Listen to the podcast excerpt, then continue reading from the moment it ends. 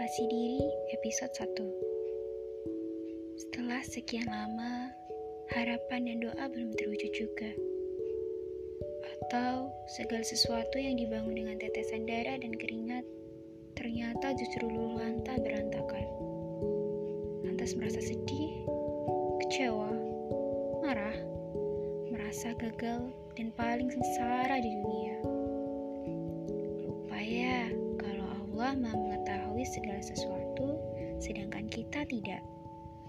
Apa yang terjadi dan kita punyai saat ini adalah yang terbaik bagi kita. Tapi berjanjilah pada diri sendiri bahwa kita akan tetap berlari mengejar mimpi dan harapan. Kita akan tetap gigih dan pantang menyerah merajut asa. Libatkan Allah dalam setiap harapan dan mimpi tentang masa depan kita dan biarkan dia menentukan saja yang terbaik bagi kehidupan kita. Keep Spirit